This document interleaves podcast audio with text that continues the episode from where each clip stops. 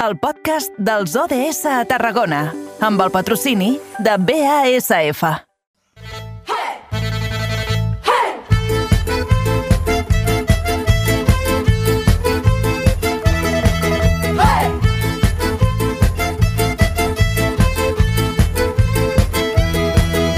Tenim l'alegria de viure, tenim la sort... I ara sí, com ja us ho avançaven en el, en el sumari del programa, ara es, ens toca parlar dels ODS, els Objectius de Desenvolupament Sostenible.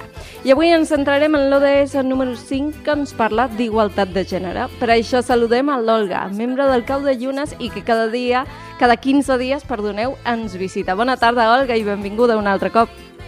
Hola, bona tarda. Escolta, bona Setmana Santa, eh? Ja la tornada.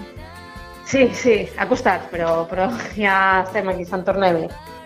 Sí, sí, sí, justament estàvem en, engegant no, tots els motors i ara quan, quan xerràvem fa una estoneta sobre el que podríem fer, uh, vas proposar un concepte que a mi mm, m'ha deixat una mica... que jo no el coneixia, eh, personalment, que és l'ecofeminisme. I crec que no només sóc jo, sinó que potser aquest desconeixement està més estès.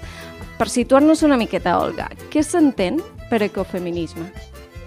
Vale.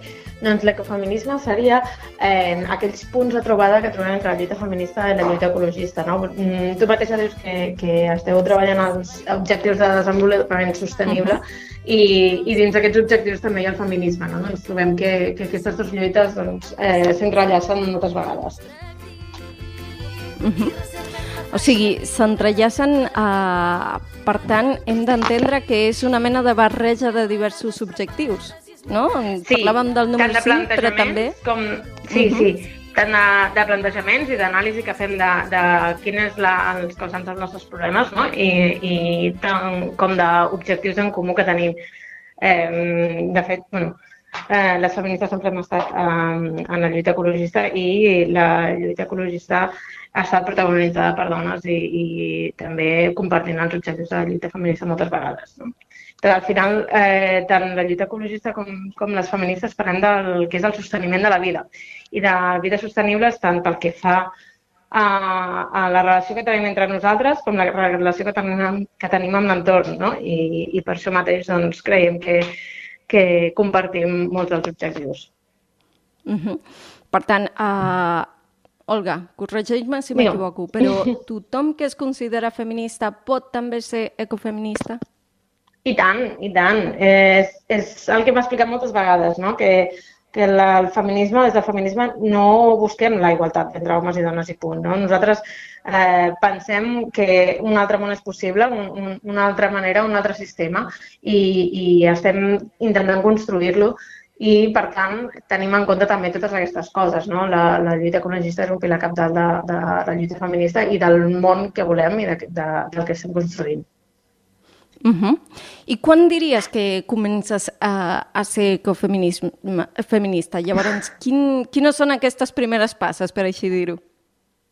Bueno, és una mica entendre no, de, de, el que et deia, que, que el feminisme va de construir un sistema diferent i uh, un món diferent i hem vist que el, el, el que volem és un, un món respectuós en, amb l'entorn i amb, amb, el, amb les altres persones, no? I, I sobretot parlem de justícia social, justícia ambiental i justícia de gènere, no?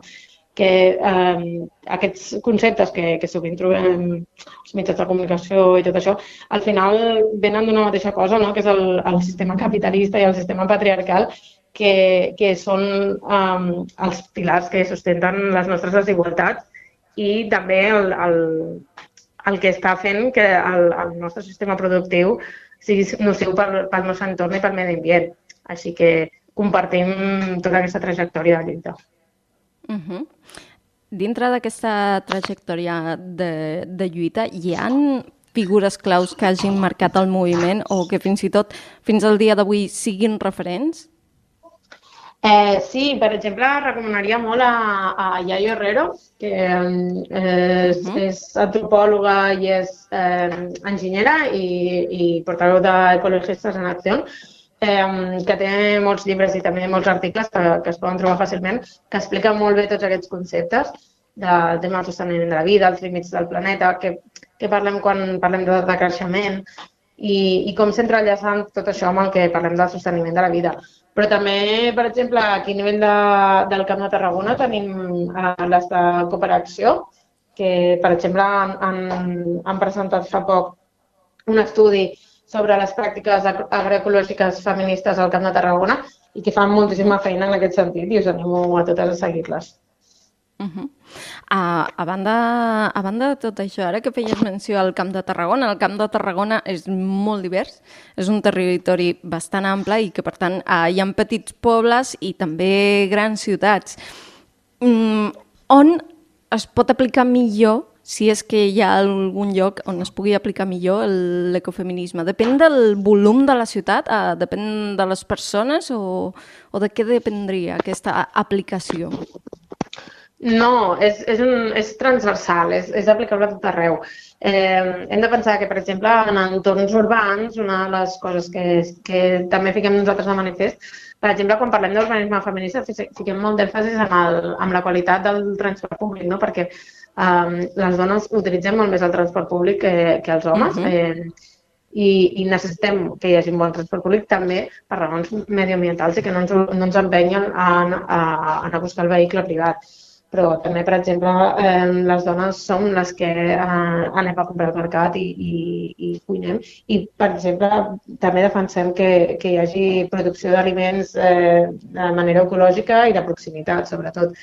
Així que són coses que sovint se- s'entrellacen. I hi ha molts projectes en aquest sentit. Per exemple, eh, a nivell més rural, doncs, trobem a la Riera Gaià que tenen el projecte de dones pageses que, que fan, bueno, que és un projecte d'horts comunitaris que, que porten les dones del, del poble i, i que els ajuda a teixir comunitat també i, i a conèixer l'entorn natural. I a, a nivell urbà doncs, també podem trobar, per exemple, els grups de consum que trobem al Camp de Tarragona, principalment hi ha el de la Bajoca, que a través dels diferents casals del Camp de Tarragona, doncs això és un, un grup de consum, és un, és un grup de persones organitzades que eh, interpel·len directament a les productores, també, perquè aquí al Camp de Tarragona també hi ha moltíssima gent que està produint aliments de forma ecològica i moltes són dones, eh, perquè puguem eh, arribar amb aquests aliments i que les productores rebin un preu just i nosaltres puguem consumir de proximitat i, i, i amb, respectant els drets de les persones que treballen la, la terra.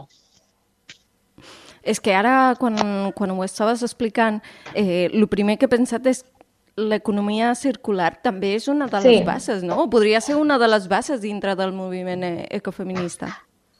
Sí, sí, sí, tot això, el, el, tot el tema de l'economia circular i també el, el de creixement, no? Perquè eh, a vegades és una paraula que ens fa molta por, perquè diem, ui, de creixement econòmic, això vol dir perdre comunitats, però el que estem apostant nosaltres és per créixer en altres fronts, en qualitat de vida, no? en tenir més temps, en, en tenir millor mm, relacions, tenir millors, millor condicions de vida, però que això no vol dir consumir més ni produir més, que això també va en, en, o sigui, és contrari a la preservació del medi ambient.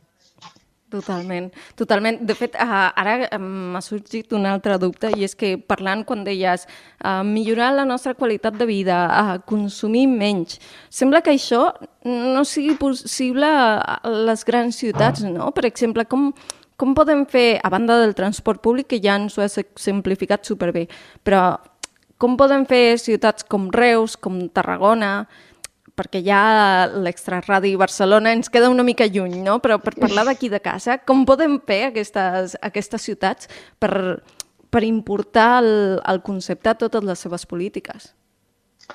Doncs hi ha mo moltíssims exemples, des del que et deia de, de l'alimentació, de, de la sobirania alimentària, eh, a altres coses com per exemple el, el tema de l'oci, no? de que sembla que ens, ens costi concebre un oci més enllà del consum i, i el teixir xarxes comunitàries com es fa des del feminisme també és, eh, això genera altres espais d'oci alternatius que també volem que siguin espais segurs de violències i, i que no siguin eh, exclusivament de consum, com, com ens trobem amb l'oci majoritari. Uh -huh. Ostres, i potser aquí m'estic avançant una mica, però vols dir que això no és també fer una mica vida més de barri, conèixer el nostre barri, viure al nostre barri i fomentar uh, Per coses descomptat, i sí, sí. el comerç. Sí? Per descomptat, sí, sí, el comerç local i, i les veïnes i coneixen més entre nosaltres i, i no eh, continuar amb aquesta, aquest camí no, de societats aïllades que no ens coneixem entre nosaltres i que només eh, anem a consumir a grans superfícies, que anem a, a, a tot arreu, doncs això, en cotxe, fent traje- trajectes llargs, no? tornar una mica a la proximitat. Uh -huh. I ja per acabar, Olga, uh, només una última cosa et demanaré. Eh?